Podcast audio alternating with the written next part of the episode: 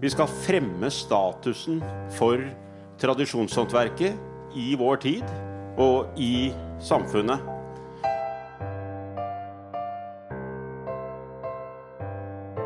Og så har vi de senere åra, altså sånn 10-15 år, hatt et retta mer og mer oppmerksomheten mot tradisjonshåndverk. Fordi vi mener at eh, dette med å ta vare på fysiske kulturminner og det å ta vare på den immaterielle kulturarven som henger sammen med det, er eh, veldig, veldig viktig.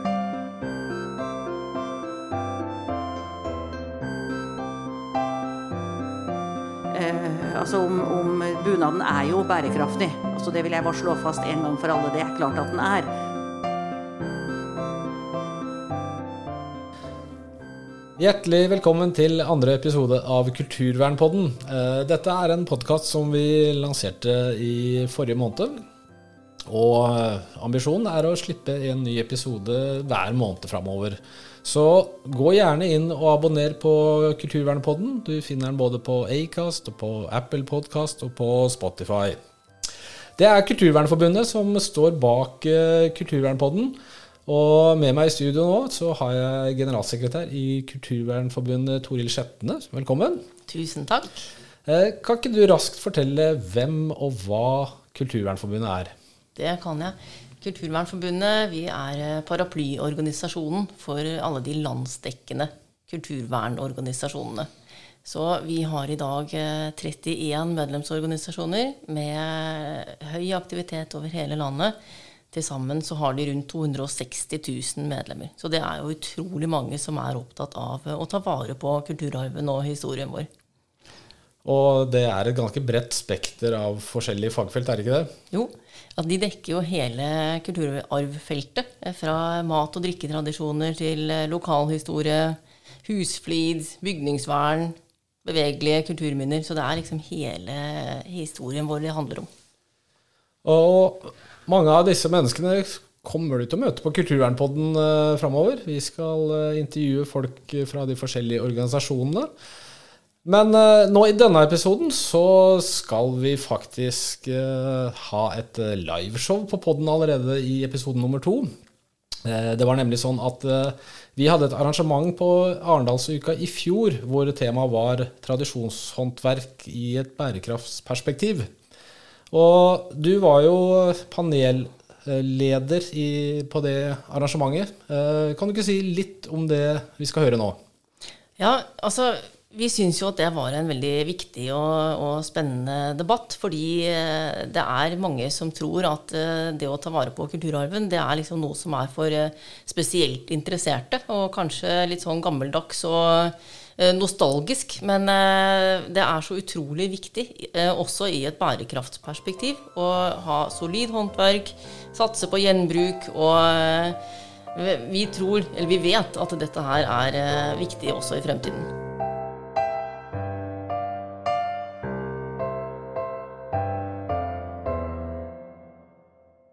God morgen, alle sammen, og hjertelig velkommen eh, hit i dag. Mitt navn er eh, Toril Skjetne, og jeg er generalsekretær i Norges eh, kulturvernforbund. Dette er da et eh, arrangement som heter Grønne hender tradisjonshåndverk for en bærekraftig fremtid. Jeg skal lose dere gjennom denne timen, hvor vi har fått med oss fire eksperter på området som skal si noe om hvorfor tradisjonshåndverk er viktig i det grønne skiftet. Og Vi har også vært så heldige å få med oss stortingspolitiker Åslaug Sem-Jacobsen fra Senterpartiet, som vil kommentere på slutten av debatten. Så I denne debatten så vil vi da spørre om hva som er status for tradisjonshåndverket i dag. Hvilke aktører er det som er en del av bildet? Eh, Hvem er det som har ansvar for dette? Og hvordan kan vi sammen videreføre denne viktige kunnskapen?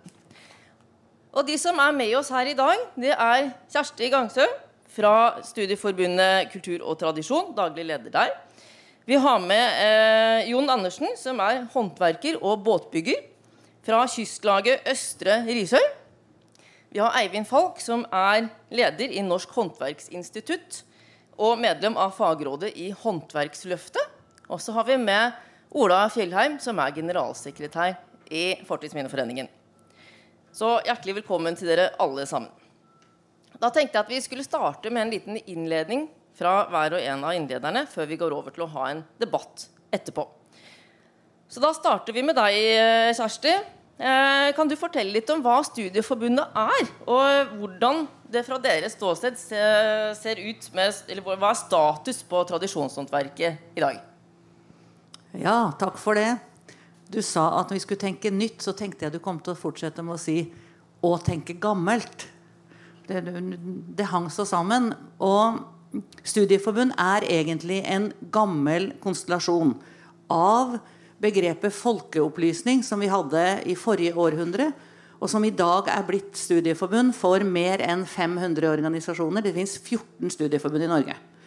Vi, Kultur og tradisjon, er ett av de og har ca. 40 medlemsorganisasjoner som holder nær 6000 kurs med rundt 50 000 deltakere i året.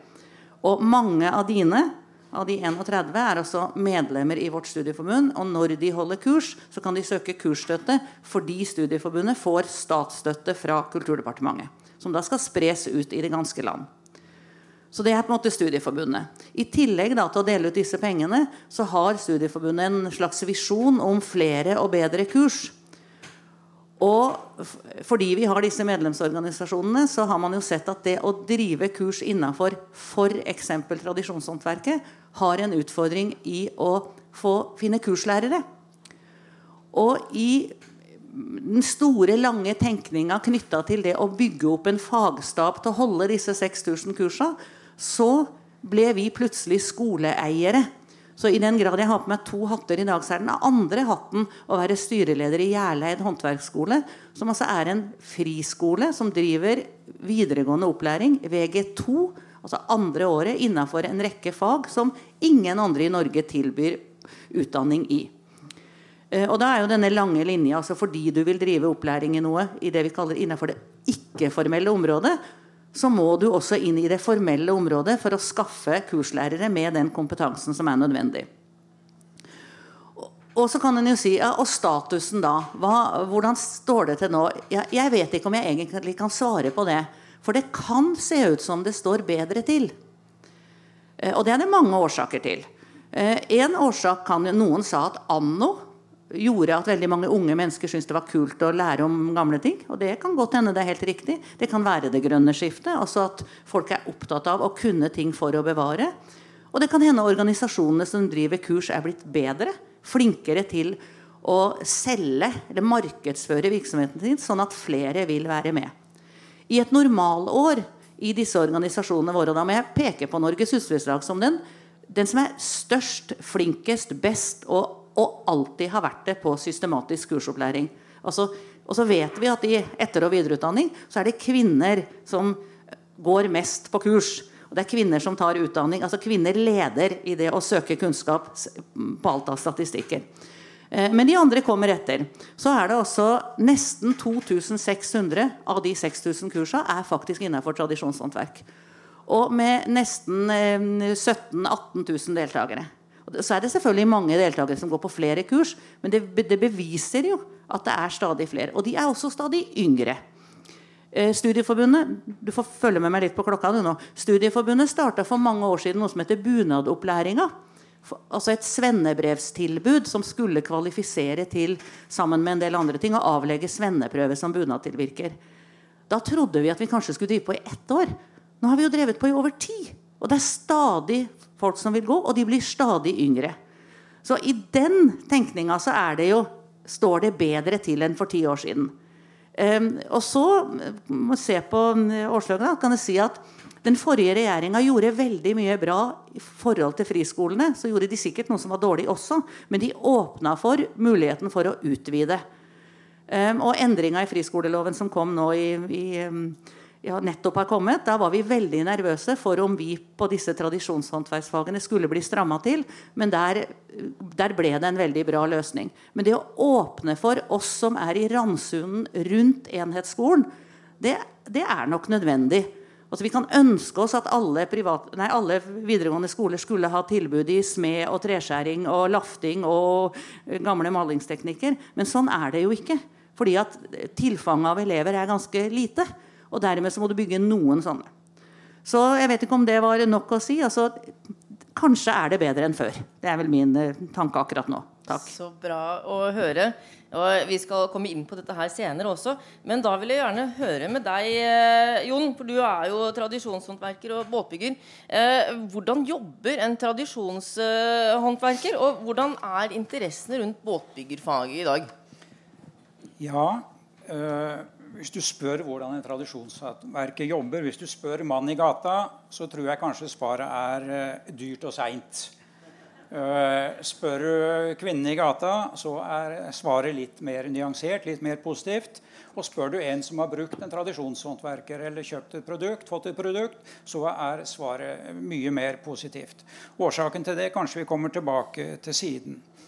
Uh, slik jeg ser det fra Jeg er jo selvstendig næringsdrivende, driver en enmannsbedrift uh, med trebåtbygging, som er da restaurering av trebåter hovedsakelig de fleste tradisjonshåndverk i dag eh, går på eh, restaurering og mindre nyskapning.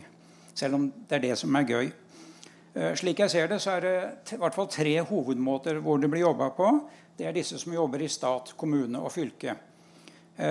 Veldig bra. De kan konsentrere seg helt om jobben det og får gjerne tid og rom til å lage et skikkelig faglig bra resultat. I tillegg så får de lønn og pensjon. Det er jo et pluss. Så har vi alle disse som er ansatt i diverse firma. Der eh, får du også Du blir tildelt en jobb eh, som kanskje må utføres under tidspress. Uh, og så har du ofte en usikker arbeidsmengde slash uh, permitteringer. Men likevel er det litt sånn trygt og godt å jobbe i et firma. Og så har du oss andre, som det er ganske mange av, som er selvstendige våre, på vår plusside så får vi lov til å bruke egen kreativitet. Det er mange tradisjonshåndverkere som er, har kreative ønsker og muligheter. Så det er det store plusset. Også pluss at vi kan velge litt våre oppgaver. Ikke fordi det er mye å velge i, men er det noe ikke vi helt har lyst til, så kan vi faktisk eh, si nei. På minussida, dem er også en del av som eh, selvstendig Eh, vi bruker veldig mye tid på å prate med kunder. Vi bruker veldig mye tid på å sende søknader til diverse organisasjoner. Eh, og vi blir selvfølgelig økonomisk eh, pressa.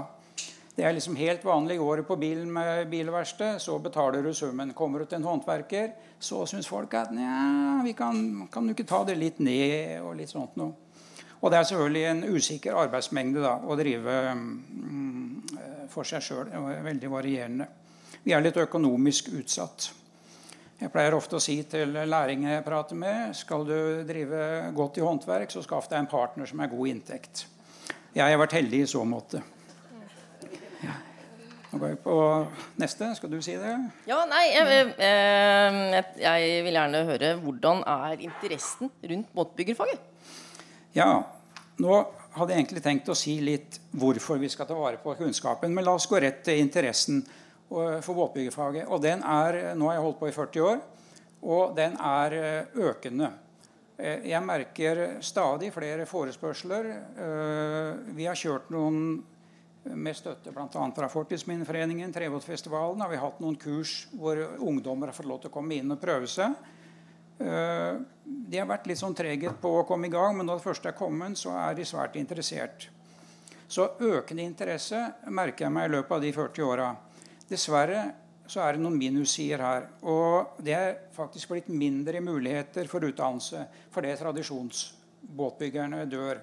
Og sånn er det for så vidt i andre også tradisjonsfag, at en del av de gamle dør. For å bruke Agder som eksempel, så to siste åra har det gått vekk tre tradisjonsbåtbyggere. Og to til nå eh, er ramma av den sykdommen ikke vi nevner. Dessverre rykker jeg veldig høyt opp på, på lista da.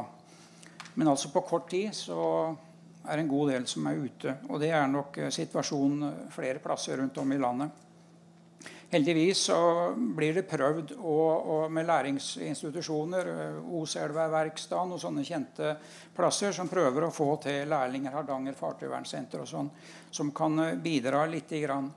Eh, det er et lite minus med disse eh, sentraliserte opplæringsinstitusjonene. Og det er at det er lett for å bygge kulisser. Og, med det mener jeg at for eksempel, som kanskje bunaden har lokale tradisjoner langs hele kysten, langs hele landet, så har også båtene det i høy grad. Altså, du kan, godt, du kan bruke tre år på å utdanne som en oseelver, men så kan du komme hit ned og skal bygge Agderbåt. Så er det faktisk, gjør vi det på helt andre måter. Ikke bare byggeteknisk, men også materialteknisk. Så dette at det blir få uh, enkeltinstitusjoner, det fører ikke bare godt med seg. Men interessen er der, og den er økende. Og så er det litt sånn skummelt for en lærling å satse økonomisk. da. Det kan jeg, eh, Hvis det er litt tid, så skal jeg fort nevne båtbygger Ulf Michaelsen, Kjerringøy, eh, Nordlandsbåter.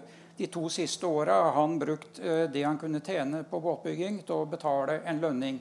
Altså Det var ikke større inntjening enn at det holdt til lærlingen, mener jeg.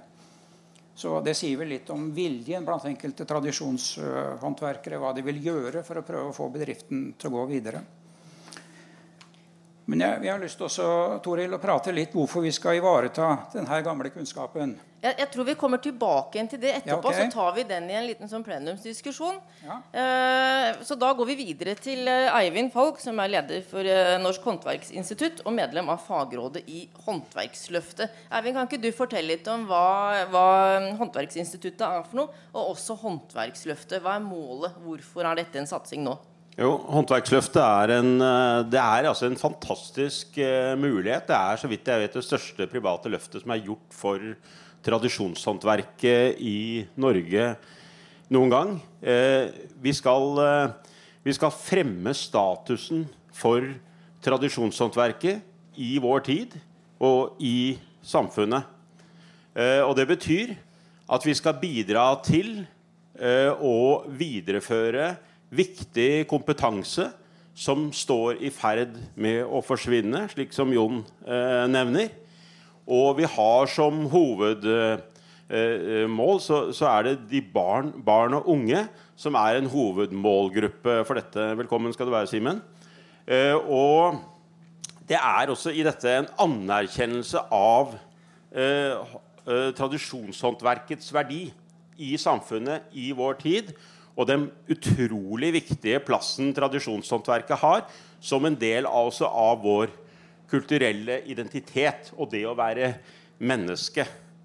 Eh, så, så, dette er viktig. Og, og, og, som Jon nevner også, det å ta vare på alle de lokale tradisjonene, de lokale variantene, det er også en viktig del av dette bildet.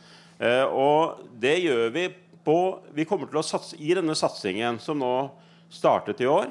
Eh, så, så, kommer vi til å jobbe både med bredden eh, Vi kommer til å jobbe altså sånn til barn og unge og til andre som skal gis mulighet for en smakebit på tradisjonshåndverket.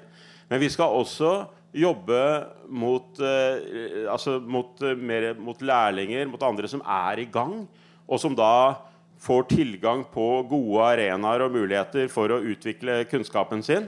Og så er det selvfølgelig dette med toppidrettsnivå.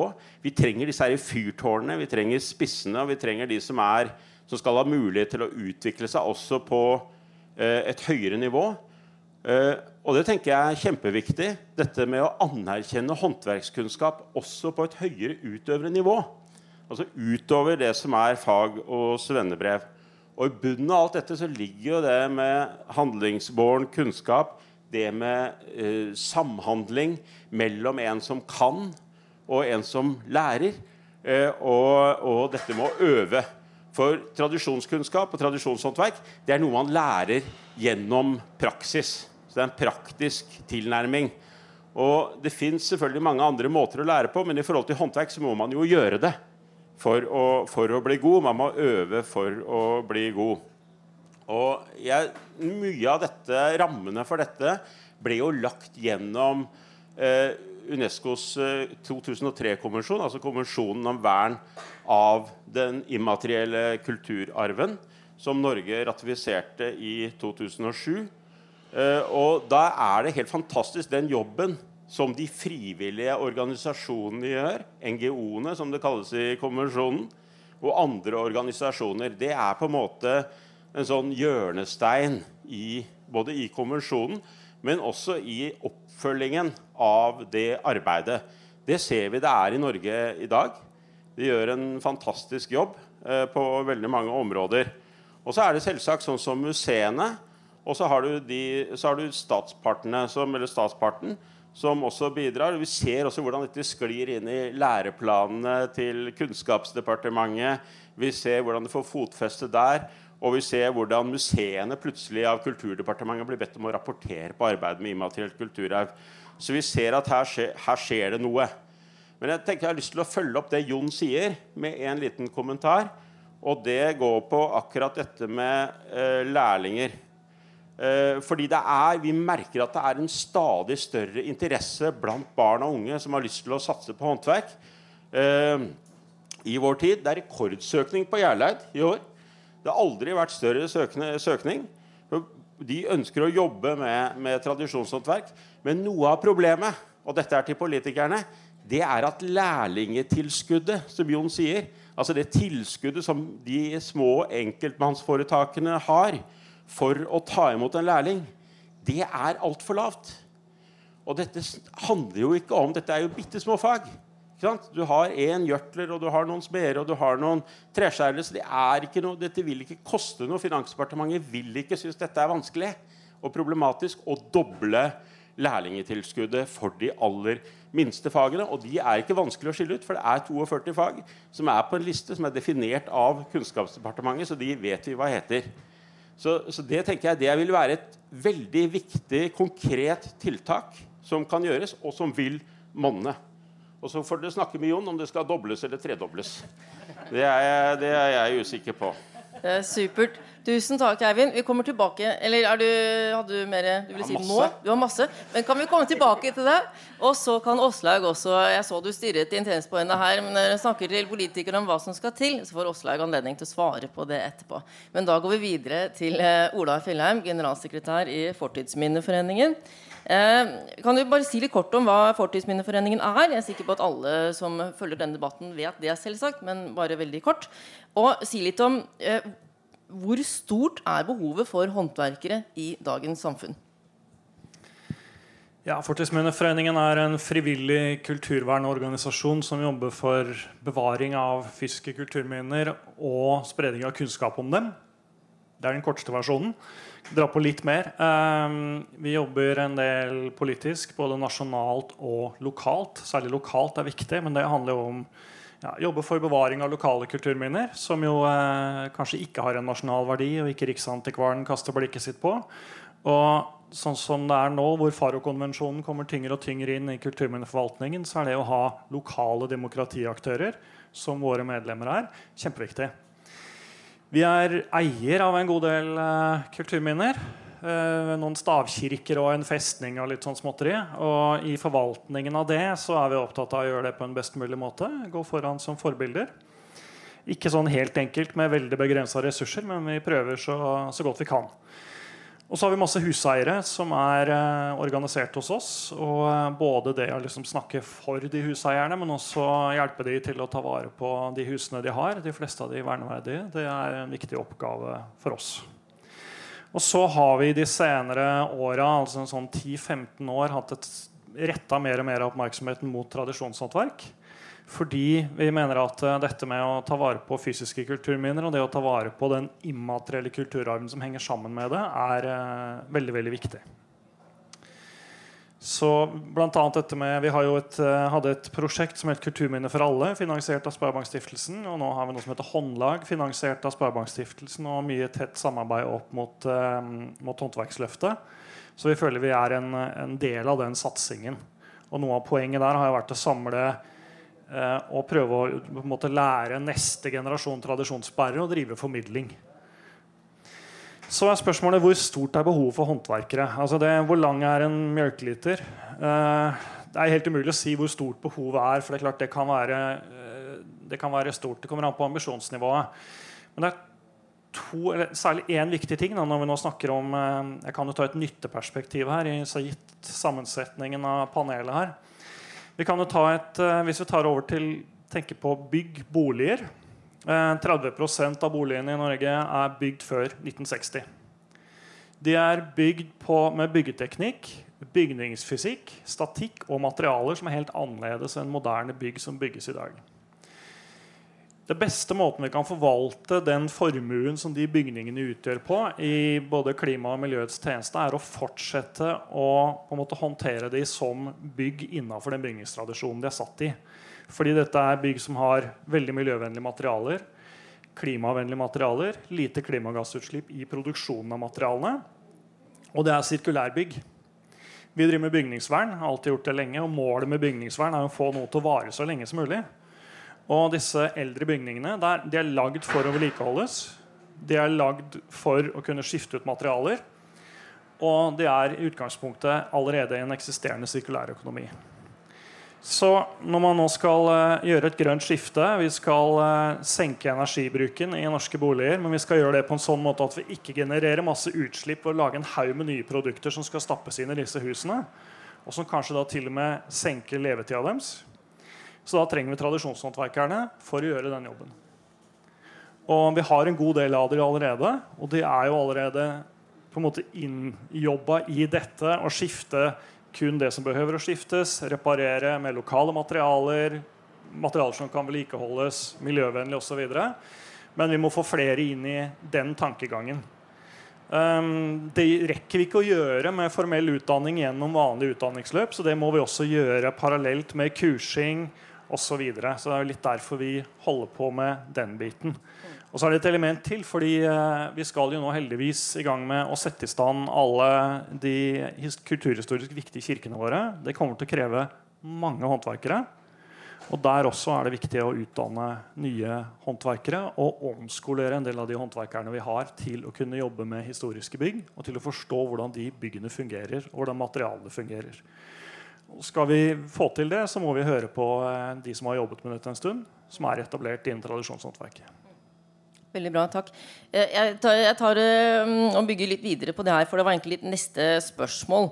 Uh, og i forhold til Om dette bare gjelder bygningsvernet, at det er viktig med tradisjonshåndverk, eller om det gjelder byggebransjen generelt. Her på Arendalsuka er det jo veldig, veldig mye fokus på Eh, bærekraftig fremtid på sirkulær økonomi og alt sånt her. Det har vært flere debatter rundt, bygnings, nei, ikke bygningsvern, eh, rundt byggebransjen. Eh, men jeg har ikke hørt så mange snakke om tradisjonshåndverk. Eh, vil dere kommentere det? Ola først, og så Eivind. Ja, jeg, ja, Var du først, eller var det så? Er jeg som er Ola, ikke det? jeg kan snakke kjempelenge om det. Og jeg har jo vært av de som har vært ute og vært veldig kritisk til byggebransjen. Um, vi kan ta begrepet sirkulærøkonomi. Det er det jo stort sett avfallsbransjen som først starta med og på mange måter har kuppa i dag. Uh, og det snakker om å gjenbruke avfall, og det er helt gærent. Det er jo ikke sirkulærøkonomi. Eller vil si det er et veldig dårlig sirkulærøkonomi. Så det vi i hvert fall skal gjøre, er jo å ta vare på og bruke de husene vi har, videre. Og denne tankegangen gjelder også på tekstiler, plagg, altså klær, alle mulige sånne ting. Og skikkelig sirkulærøkonomi ja, det er å få de tingene vi har, til å vare lengst mulig. Eh, det snakker byggebransjen veldig lite om. Eh, de snakker om å plukke husene i småbiter og gjenbruke teglsteinene. Og da I stedet for, eksempel, å bruke teglstein til konstruktive elementer i veggene, ja, så bruker de de til kor på utsiden. Dette er ikke bærekraftig. Dette stopper, og det stopper snart. Eh, så det vi må gjøre, er jo å, å få med hele byggebransjen på å si og mange er på vei dit nå, at jo, vi skal gjenbruke mest mulig av de husene vi har i Norge, der de står som hus. Og vi skal gjenbruke de på en sånn måte at de varer lengst mulig. Dvs. Si reparere de sånn at de varer lengst mulig. Um, dette gjør at byggebransjen må på en måte bygge om hele økonomitenkingen sin. For de er ikke skrudd sammen på dette. De er i veldig stor grad skrudd sammen i en bruk-og-kast-kultur. Som betyr at vi bygger et hus. Det varer i 30-40 år, og så river vi det og pælmer det. Og så bygger vi et nytt. Dette er jo forbrukssamfunnet bare anvendt på de tingene vi har som virkelig er mest innebygde ressurser i. Og sånn kan det ikke fortsette. Så min utfordring til byggebransjen har vært en god stund at uh, nå må vi begynne å tenke ekte gjenbruk, ekte sirkulærøkonomi, gjenbruke de husene der de står, og fikse de, energiforbedre de på en sånn måte at de varer lengst mulig. Og sånn at vi ikke genererer ekstremt store klimagassutslipp når vi holder på med det.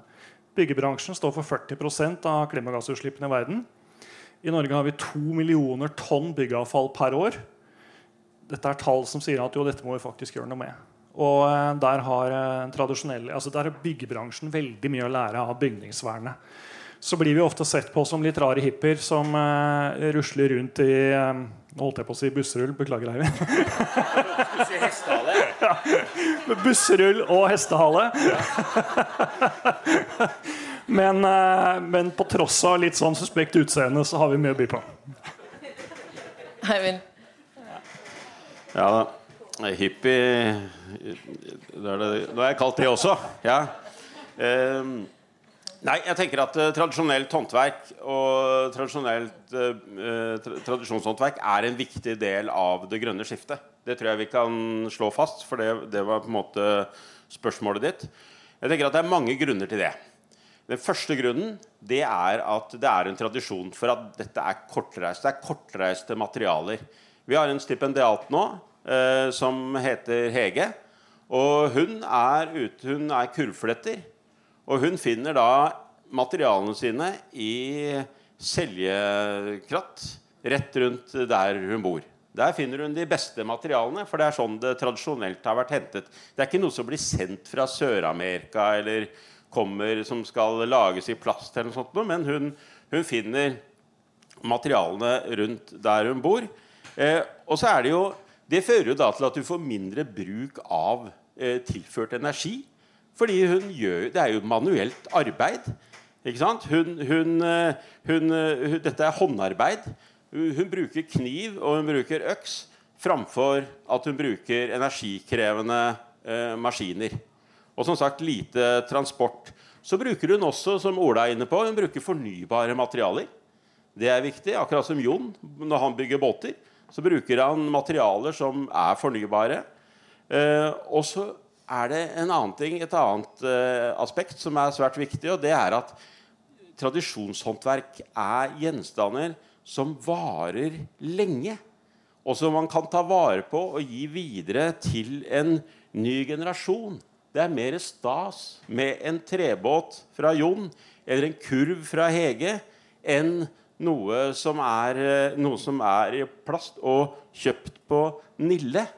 Og som kanskje er, blitt som er så fremmedgjort i forhold til oss. Og vi ser at det er en økende interesse for det. Eh, og det er også en økende interesse for å drive med tradisjonshåndverk. Så, så, jeg har liksom lyst til å slå et slag. Jeg, for vi har også, jeg har også lyst til å nevne Vi har en annen, en annen stipendiat som eh, er keramiker, og som finner da eh, materialene til glasur rundt der hun Sissel på Røros rundt der hun bor på Røros, så finner hun de materialene i, i mineraler og, og, og rundt der, der, hun bor. Og som hun da lager eh, glasur av, og som blir fantastiske, fantastiske kopper og produkter. Så, så jeg, jeg, har lyst til å slå et slag for, for sånn båten til Jon framfor eh, en plastbåt som har reist eh, langt, og som er i materialer som ikke er eh, fornybare. For kurvene til eh, Hege framfor en liten plastkurv på Nille. Og ikke minst for koppene til Sissel, som er helt nydelige, og som dere burde sjekke ut på nettet. Sissel Vatne. Eh, som, som, er da laget av lokale materialer og er, har den håndverkskvaliteten. Og ja, dette er litt dyrere, men jeg er helt overbevist om at dette er en Det er kanskje ikke hele løsningen på det grønne skiftet, men det er en viktig del av det. Det er jeg helt overbevist om. Veldig bra. Kjersti, du ba om ordet. Eh, og så tenkte jeg kanskje du også ville kommentere. Eh, dere i Studieforbundet hadde en debatt i går også, sammen med Norges Huslyslag og Norges Ungdomslag og Norsk institutt for folkedrakt. Eh, stemmer det? Og der, altså Temaet der handlet om, om er bunaden bærekraftig. For der var det noen europeiske retningslinjer som hadde slått fast at den var mindre bærekraftig enn bunad i ull enn en plagg i polyester. Ja. Det er bare sånn Det er ikke til å tro. Men sånn er det altså. Vi hadde denne diskusjonen i går, og da lærte vi at av verdensmarkedet på klær så er 3 innafor ull. Og de andre 97 er egentlig plast. Så jeg bare sier bare, se, bare la oss se på oss selv hva vi har på oss. Um, og det betyr jo at uh, Og det var jo en lang og, og, og komplisert diskusjon som handler om et regelverk som kommer, som noen mener at um, produsentene av de, altså i klesbransjen i, i, Europa har fått definere kriteriene for, som jo da forteller at disse polyesterklærne som egentlig er av plast, de kommer godt ut. Og klær som da vi i denne diskusjonen ville ha sagt var bærekraftig, kommer dårlig ut.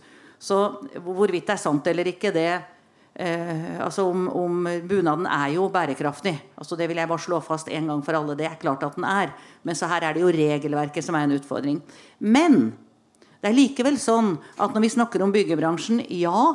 Men eh, jeg tenker at hver enkelt av oss og jeg kjenner den dårlige samvittigheten ta meg, har jo dette ansvaret fordi at tekstilbransjen er så utrolig fæl og lager de store søppelbergene som vi sender fra vår del av verden og til de landa som har dårligst kår. Altså Vi skyver vårt problem. Og det er kjempebra at um, byggebransjen og, og, på en måte den delen av tradisjonshåndverket løfter seg fram til løsninger. Men vi som står innafor denne tekstile kulturarven, vi har jo et superansvar. Um, og jeg vil tilbake til dette med disse læringsarenaene. For hvor skaper du holdningene? Vi kan skrive, og vi kan lese, og vi kan undervise. Men det er klart at i, i møte mellom folk, og hva folk oppfatter som bra og dårlig, det er jo det som fører til holdningsendringer.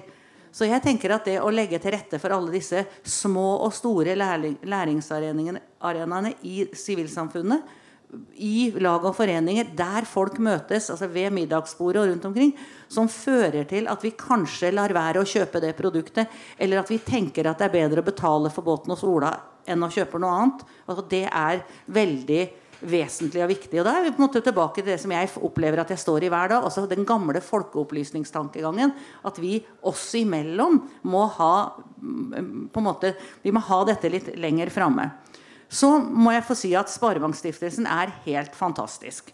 Det er kjempebra med alle de pengene som legges inn i, på, en måte på vårt felt. Men det er ikke varige løsninger.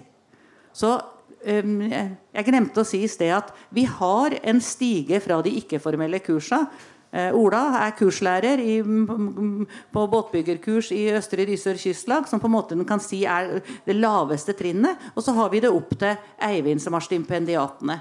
Og dette må det jo være finansiering på, som gjør at det kan fortsette. At ikke det blir sånn stup og skyt. At når Sparebankstiftelsen spytter inn 10 millioner, så gjør vi kjempemasse. Og så når det er ferdig, så må altså den enkelte betale for dette sjøl. For det er vel det vi ser. At hvis prisen blir for høy, så går det ikke. Så det er på en måte finansiering er en nøkkelkilde her for å få dette til, mener jeg. Veldig bra. Eh, du hadde ønske om å si noe, Jon? Ja, bare kort uh, replikk først uh, til uh, pengene fra um, Sparebankstiftelsen, som nok er kortvarig. jeg skal i gang med to båter nå i, i, regi, altså med støtte derifra. Og i disse båtene så kommer jeg til å ha med meg en lærling. Og forhåpentligvis så vil vi i hvert fall hans kunnskap Vi kan nyte glede av hans kunnskap en god del år framover takket være penger fra Eh, Sparebankstiftelsen, som eh, for min del er gjennom Forbundet Kysten eh, tildelt. da. Vi snakker veldig mye om bærekraft her. Og hvis jeg nå skal mm, tenke som representanten jeg er, en av gutta på gulvet, så er det fort gjort å tenke ja, det lille, det lille håndverksaktiviteten vi driver med, hvor grønt, hvor mye kan vi spare? Altså én dags oljeproduksjon i Nordsjøen blir jeg møtt med Det tilsvarer la meg si, rundt regna 100 år med produksjon av eh, håndverkstjenester. Men Og der kommer det store mennene. Jeg tror ikke det er noen arena her i Norge som har mulighet i så stor grad til å påvirke vårt tankesett som nettopp øh, håndverk, øh, håndverkere, håndverkstjenester og produktene vi lager. Eh, folk er altså så interessert i disse tradisjonssakene vi holder på med. Det gjelder fra de helt unge.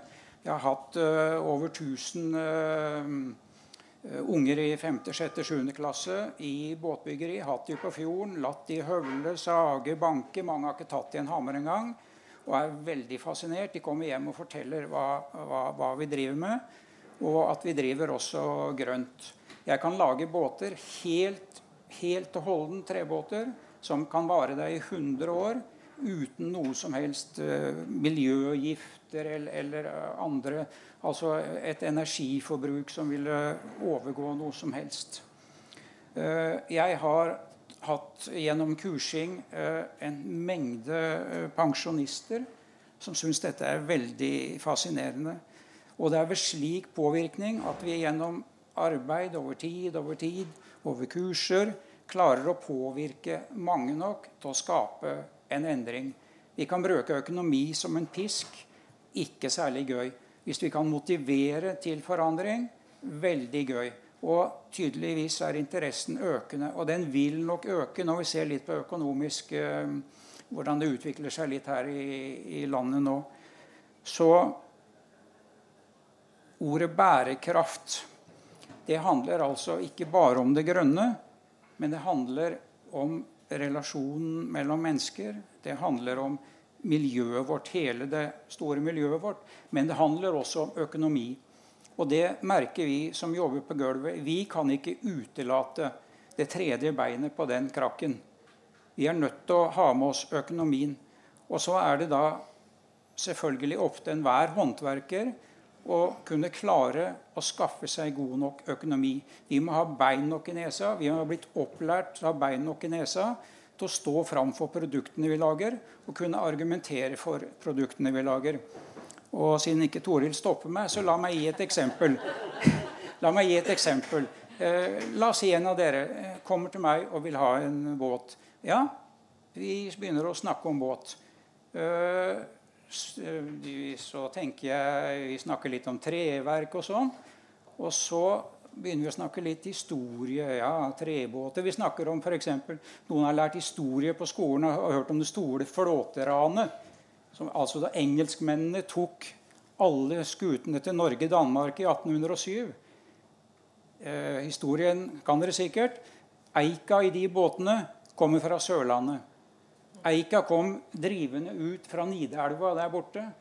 Her er vi på Tyholmen. Kanskje lå det fortøyde stokker her sånn.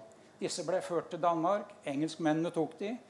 Kongen av Danmark og hans medsammensvorne de kom tilbake til Sørlandet. De ville ha eikenøtter. Det er mange her, kanskje noen av dere har vært med på å plukke eikenøtter. Det gjorde de rundt 1810 også. De trærne de kjøper jeg nå tilbake fra Danmark og bruker som båndstokker, spanter osv. I, i båtene. En slags sirkulær økonomi, kanskje, Ola. Ok, jeg stopper der. Ja, veldig bra. Og vi er jo glad for å høre at det er en økende interesse eh, for, å, for, å, bli eh, håndverker. Eh, og at eh, bærekraft måte, er en, en, viktig del av det også. At folk er opptatt av dette her. Og det ser man jo også på Husflidslagets eh, mange kurs i å fikse klærne sine selv.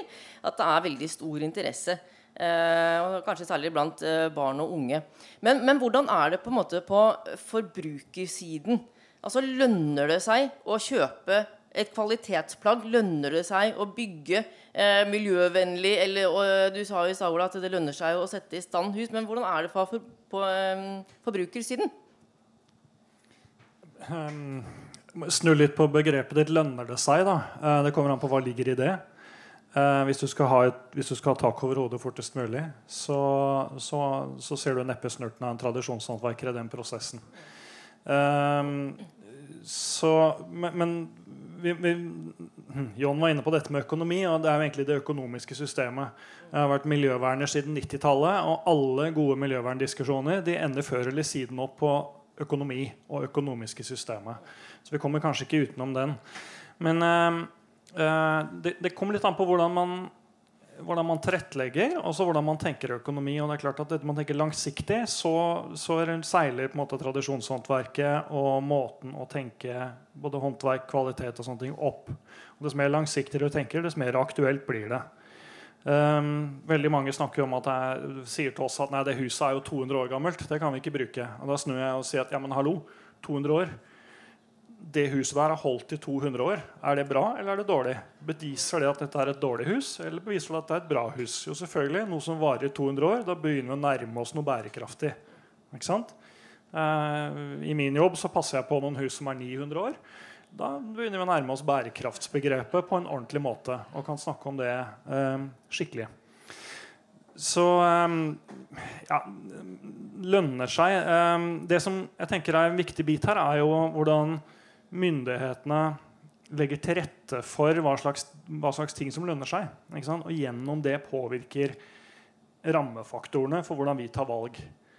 Og, og, det er jo det som er sånn som jeg ser det i hvert fall, en viktig oppgave for myndighetene er å legge til rette for at folk tar mer varige valg, mer bærekraftige valg. Og mer valg som også stimulerer lokal økonomi. Fordi alternativet, når det Eivind ikke sier, alternativet liksom når du velger mellom en korv på Nille og en korv på Røros, eller, ja, så er nå den Nillekørra den er ikke produsert i Norge. Den er produsert helt til andre siden av verden. Og handel er veldig bra. Handel, globalisering og alt dette er viktig, men samtidig må vi være litt mer bevisst på det at hvor legger vi igjen pengene våre. Uh, og Det er også en viktig bit av dette her. Og så har jeg bare lyst til å kommentere en ting. Ikke, dette er jo egentlig ikke en debatt om offentlig kontra privat pengebruk, men jeg er ikke så sikker på om disse pengene fra Sparebankstiftelsen er kortvarig. Jeg tror det er langvarig, fordi Sparebankstiftelsen har en ambisjon om å være en aktør over lang tid. Og det vi ikke har hatt i Norge noe særlig, det er jo uh, mennesker eller stiftelser og fond med mye penger som tar en sosial rolle. Det er en slags moden kapitalisme vi har sett veldig lite av i Norge. Jeg tror det kommer mer og mer av det. Og det skal vi være veldig glad for. Se på Realdania i Danmark, hva de får til. Både på kulturminnesida og bærekraftsida på bygg. Det er helt fantastisk. Og det er fordi de har vanvittig mye penger og har en ambisjon. Og dette skal vi ønske velkommen. Dette skal vi ønske oss mer av. Og så får vi eh, liksom, bruke de systemene. Jeg bare ta et kort eksempel på det. Vi har jo eh, håndlagprosjektet vårt. så så fisker vi jo altså Vi jobber med yrkesfag- og byggfagselever. Så presenterer vi de for tradisjonshåndverket. Og i en klasse på 15 så er det kanskje to stykker som i løpet av den uka de er på kurs, syns dette er spennende og moro og kommer i kontakt med tradisjonshåndverkerne. Poenget er ikke det de lærer den uka, men det at vi sår et frø og setter de i kontakt med nettverket. Og Midlene vi får av Sparebankstiftelsen i dag, gjør at vi kan gjøre det til halvparten av Norges fylker. Nå har vi lenge sagt til Riksantikvaren Ok, nå har vi private midler her. Kom med halvparten fra dere, så kan vi gjøre det i hele Norge. Men den tanken er ikke moden enda. Og den tanken kommer det til å ta noen år til før den er moden. Men om en fem-seks år så tipper jeg kanskje det kommer. Hvis ikke noen dytter på og sier de skal. Så de private aktørene er ofte litt mer på. Og det gir oss som frivillige organisasjoner en helt unik mulighet. For er, vi klekker ut veldig mye gode ideer. Det er en av mine utfordringer i min organisasjon. er at vi har masse gode ideer hele tida. Ja, men sant, Eivind, du kjenner til det, du. Det er, det bare en lunsjpause av det. Så er det fem gode ideer. Men det å ta de derfra og til å virkeliggjøre de, ja, da må du ha hjelp av en eller annen som har litt kroner. Og der er muligheten. Og der, ja, der, kan jeg også kommentere, før du slipper til, Eivind. Eh, som paraplyorganisasjon for de, de frivillige kulturvernorganisasjonene så kan jeg bare understreke akkurat det Ola sier nå. Det er utrolig mye bra som gjøres, men vi har lyst til å gjøre enda mer. Rett og slett. Og da er rammebetingelsene til organisasjonene utrolig viktige. Så da var det sagt. Eivind? Ja, nei, jeg har bare lyst til å kommentere først litt på det som blir sagt, og det som Ola sier, og så har jeg lyst til å svare på spørsmålet etterpå. Eh, men, men det, det, er eh, eh det, det, ble sagt litt om at dette, er, eh, altså dette håndverksløftet er kortvarig. Altså, det er ikke satt noen sluttdato for dette prosjektet. Vi tenker det frem i tid. Uh, og det som blir viktig, er, og som vi har lagt vekt på, det er å ha det gode samarbeidet med organisasjonene, med Forbundet Kysten, med Norges Husflidslag, med Fortidsminneforeningen, med Norsk Håndverksinstitutt og andre museer og andre aktører. For sammen at vi kan legge nå et grunnlag, sånn at vi kan gjøre dette bærekraftig over tid. Så dette er, eh, dette er, så det er ingen grunn Jeg syns ikke vi skal være pessimistiske i forhold til det. Dette er veldig langt unna det å pisse i buksa for å bli varm. Dette er noe som vi tenker skal monne og ha en effekt over lang tid fremover. Uh, Og så var spørsmålet ditt Det var eh, om eh, Lønner det seg? Altså, jeg har lyst til å si Det er, eh, det er jo spørsmål hva tenker man med Om man tenker i kroner i øre, eller hvordan man tenker. Men jeg bodde en tid Jeg bodde i tre år på Hardangervidda i en tømmerhytte fra 1600-tallet. Og så var det en kveld Dette er 30 år siden. Så satt vi og så på TV. På TV 2. Og da var det en reklame som sa at hvis du kjøper et hus med sånn byggmesterstempel, så får du 20 år, så garanterer vi at det varer i 20 år. 20 år for et hus? Der satt vi i et hus fra 1600-tallet. Det blir jo helt, jo helt absurd og meningsløst. Så som svar på spørsmålet ditt lønner det seg. Og jeg ser jo hjemme hos oss Vi har kopper fra Sissel, og, jeg? Og, og det er klart få, vi, det, det, handler jo også litt med hva som gir livskvalitet. Da. Og det å omgi seg med håndverksprodukter, med trebåt Har du først begynt med trebåt, så vil du ikke ha noe annet. Det kan jeg skrive under på, for jeg er der sjøl. Så det er jo sånn, og, og Har du først bodd i et uh, hus, et tradisjonshus, og har du først begynt med tradisjonshåndverk og fått interessen, så, så, så, så er det da, da, det da, tar det helt av, og, og, stopper, og da, da, vil du ikke ha noe annet. Så jeg tenker at det er en del av det vi gjør gjennom Håndverksløftet. Det er nettopp det at vi skal fremme statusen for håndverket i vår tid og i vårt samfunn. Det tror jeg er utrolig viktig. Å skape en økende bevissthet og kunnskap rundt tradisjonshåndverk det blir en viktig del av den jobben. Mm. Så bra. Uh, og vi vet jo at det er, det er, jo betalingsvilje. Folk kjøper seg jo bunader. Uh, men i tillegg så kjøpes det også mange andre Eller mange dårligere plagg. holdt jeg på å si. Uh, og det er jo også betalingsvilje for lokal mat og drikke. Det har jo virkelig fått en opptur de siste årene. Og også sånne Eh, eh, håndverksprodukter som selges til turister. Folk betaler for det, men det må jo også være da eh, mulig å ha det som et yrke. Eh, Ola, du, ville du kommentere også, Kjersti? Ko eh, veldig kort fra Kjersti, og så Ola, så vil vi gjerne ha opp Åslaug. Altså, jeg er ikke um, pessimist på vegne av Sparebankstiftelsen og pengene. Hvis, det, hvis, dere trodde det. Det er tvert imot kjempebra. Men Voksenopplæringsmidlene til studieforbund var i 1978 dekte staten 80% av kurskostnaden, som gjorde at folk som han kunne få en anstendig lønn. I dag er det 20% og det betyr at når han holder kurs, så kan han nesten ikke ta ut lønn. Når Gjerleid håndverksskole skal starte en ny linje, så må vi søke Sparebankstiftelsen om å få penger til å kjøpe utstyr og, og, og forberede for å ta imot den klassen. Altså ha noe å drive skole i. Hvis vi har flaks, så får vi penger. Det følger ikke penger med i de statlige finansieringsordningene.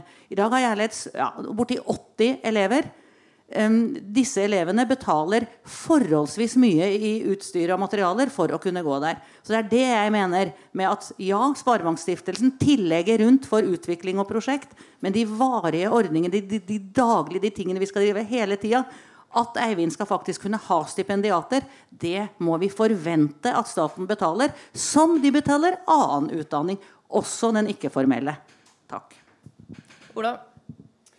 Jeg tenkte litt tilbake igjen til nytteperspektivet. Uh, for Vi har lett for å snakke om de tingene vi er mest opptatt av, som jo handler om kulturarv, håndverk og sånne ting. Men tilbake til det nytteperspektivet på, på enda litt høyere nivå. Da, og på Eh, som et apropos til det grønne.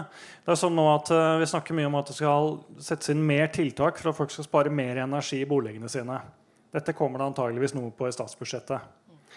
Um, som jeg sa i stad, 30% av norske boliger er bygd før 1960.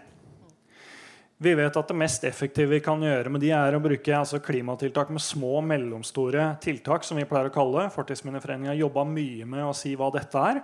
Og det kan gjøres av tradisjonshåndverkere med tradisjonelle teknikker og metoder. Og ved å gjøre det så kan vi spare 40-60% av energien som går med til oppvarming i alle de husene. Dette er kjempeenkelt å gjøre. Sånn er nå så gir Enova stort sett bare penger til høyteknologiske tiltak. Sintef de har sagt nå i tre NRK-oppslag gjennom våren at eh, når man gjør det med huset, så skift mest mulig. Dette er helt feil. Fordi det gir, ikke, det gir veldig store klimagassutslipp, og det gir ikke den store effekten. Og dette vet vi, og dette er grundig dokumentert gjennom mange år. Dette har Aspeland Viak for eksempel, vært med å dokumentere grundig. Så det er egentlig bare ved å kikke litt til bygningsvernet, se hvordan gjør man dette, og så kan vi gjøre en kjempeinnsats på, på å senke energibruken i norske boliger på veldig kort tid. Veldig effektivt og uten svære klimagassutslipp, uten veldig store offentlige utgifter og uten å påføre eierne store utgifter. Og Sånne ting har vi flere løsninger på. ikke sant? Men vi må bare fortelle om de og løfte de fram. Og så må vi inn i de teltene hvor byggebransjen og de andre snakker, og ikke være i vårt eget telt. Men jeg vet at det er ikke lett. altså. Ja, men, men, det er et viktig ja. poeng for det, og at vi også på en måte skaper samarbeid på andre arenaer enn bare oss selv og blir invitert med og, og er på. holdt jeg på å si. Det er viktig. Åslaug, jeg vil gjerne at du kommer opp og, og, kommenterer det du har hørt. Nå har vi jo snakket om at det er viktig å videreføre tradisjonshåndverk og utdanne flere, legge til rette for at det kan være et yrke. Eh, at det er faktisk et veldig viktig verktøy for å nå klimamålene. Senterpartiet er opptatt av kulturarven. Eh, hva er dine kommentarer til debatten? Nei, Først og fremst så eh, blir jeg veldig glad når jeg får hørt nok en gang at interessen for eh, kulturarv og, for kun, ja, og tradisjonshåndverk at den er økende. Fordi, og også det at det er et fokus på bl.a. å bevare og bruke gamle bygninger. Dette her er jo uh, et fokus vi i Senterpartiet og jeg har hatt i mange år, men folk folk syns vi er litt gamledagse og rare som er litt opptatt av det. Men uh, nå, nå, nå, begynner stadig flere og flere å skjønne det som Ola bl.a. snakker om. Da. At Hva er det som egentlig er bærekraftig? Uh, og så selvfølgelig For Senterpartiet så har jo dette med kultur og historie, identitet og røtter veldig, altså det er en veldig viktig verdi for oss. Så Sånn sett så har jo vi alltid vært opptatt av både kunsthåndverket, tradisjonshåndverket og kulturminnene. Og vi har, eh, så lenge jeg jobba med dette feltet, som har vært eh, siden forrige stortingsperiode, så har vi i hvert fall eh, alltid brukt ganske mye mer penger i våre alternative budsjetter på kulturminner. Eh, og det ønsker vi å fortsette med. Eh, og så er det litt trange tider om dagen, da. Eh, og nå har jeg kjent litt på alle de debattene jeg har vært i, at jeg er jo nærmest med på NM i å, skaffe seg statlig finansiering. Og det er ikke bærekraftig hvis vi alle som ønsker masse penger, skulle få de pengene. For er det et samfunn vi vil ha, som bare er mer eller mindre statlig finansiert? Det, men når det kommer til kulturminnevern, så mener jo jeg at det er i hvert fall noe som bør prioriteres. Og så gjenstår det å se i hvilken grad. Men uh, for vår del, da, vi har jo bl.a. sørga for at Gjerleid da fikk ekstra bevilgninger. Uh, vi har mye fokus på studieforbundene og den situasjonen de har vært i. Det er ting vi ser på. lærlingeproblematikken lærlingproblematikken den, det, Hvorvidt det faktisk er, er innafor å gi én type læring veldig mye mer penger enn en annen, vet jeg ikke. Se for meg at dette Finansdepartementet, som jeg før har hørt mye om og nå må være i kontakt med, eh, kanskje har noe innsigelse på hvorvidt de liker å differensiere mellom det. Men det tar jeg med meg videre. Så har det for Senterpartiet de siste årene vært ekstremt viktig å få eh, satt i stand alle middelalderkirkene våre i stein eh, fram til eh, eh, tusenårsjubileet. Fordi eh, ja, det er en måte å sikre disse si, desentraliserte små museene våre og de eneste bygningene vi har fra den tida. Uh, og det kommer regjeringa til å gjøre. Vi har satt i gang et svært prosjekt. Men i tillegg så har vi jo nå fått et nytt Opplysningsvesenets fond-fond. Ja. Hvordan det skal være, driver vi akkurat nå og finner ut av. Men det som er bestemt, det Stortinget har bestemt, det er at alle de verdiene de skal gå til eh, kirkevedlikehold. Og da er det som eh, Fjellheim her sier, eh, ok. Mye skal gjøres. Og da har også demra for oss hvem skal gjøre det. Og det er faktisk en veldig interessant eh, diskusjon. Fordi sammen med at interessen blir større, så må vi faktisk ha den, eh, den hjelpa. Og da, da, ser jeg jo for meg, og vi har ikke de, har ikke de løsningene ennå, men jeg ser jo for meg At vi er nødt til å, å gjøre mer for å utdanne folk innafor eh, den type håndverkstradisjoner. Da. Og det ser jeg fram til, egentlig. Og jeg tror eh, eh, veldig mange unge ønsker å jobbe med henda. De ønsker ikke bare å jobbe på denne måten med henda, men de ønsker å jobbe mer håndfast. Se at det de gjør, faktisk blir til noe. Um, og det kan også kanskje hjelpe de som faller utafor når veldig mye handler om dette her. Hvis, jeg vet ikke om man så hva jeg holdt på med. Sånn som gir oss vondt i nakken og sånn. Ja. Nei, så um, Det beste med, med, for meg da med denne debatten her, er at det blir så tydelig for meg at i tillegg til at engasjementet er stort og interessen er der, så har du det forbrukerperspektivet og det at vi skal endre oss. Vi må det. Vi har en strømkrise nå, f.eks. Altså enøktiltak er jo noe vi er nødt til å jobbe mye, mye mye mer for å få ned energiforbruket i, i landet. Og det er klart, den tilnærmingen som uh, Fjellheim her har, det, det, er veien å gå, mener jo jeg. Um, så det blir viktig. Og så tror jeg at det er mye å hente på um, å løfte den, altså, tradisjonshåndverk og eh, gamle tradisjoner inn i hele forbrukerpolitikken. Forbrukerpolitikken har faktisk ganske liten status. Og, hvis, og, og det syns jeg er litt rart, så det er et mål for meg å um, begynne å jobbe mer med. For hvis du ser på alle nettavisene, det er utrolig mye forbrukerrelatert stoff. Men politisk er det ingen som bryr seg om forbrukerpolitikk. Mens um, det håper jeg virkelig det blir en uh, endring på. Mm. Og i det aspektet så spiller dere en kjempestor rolle. Og jeg tror også at det er grunnen til at dere kommer til å få mer oppmerksomhet, flere medlemmer, eh, og antageligvis også mer penger.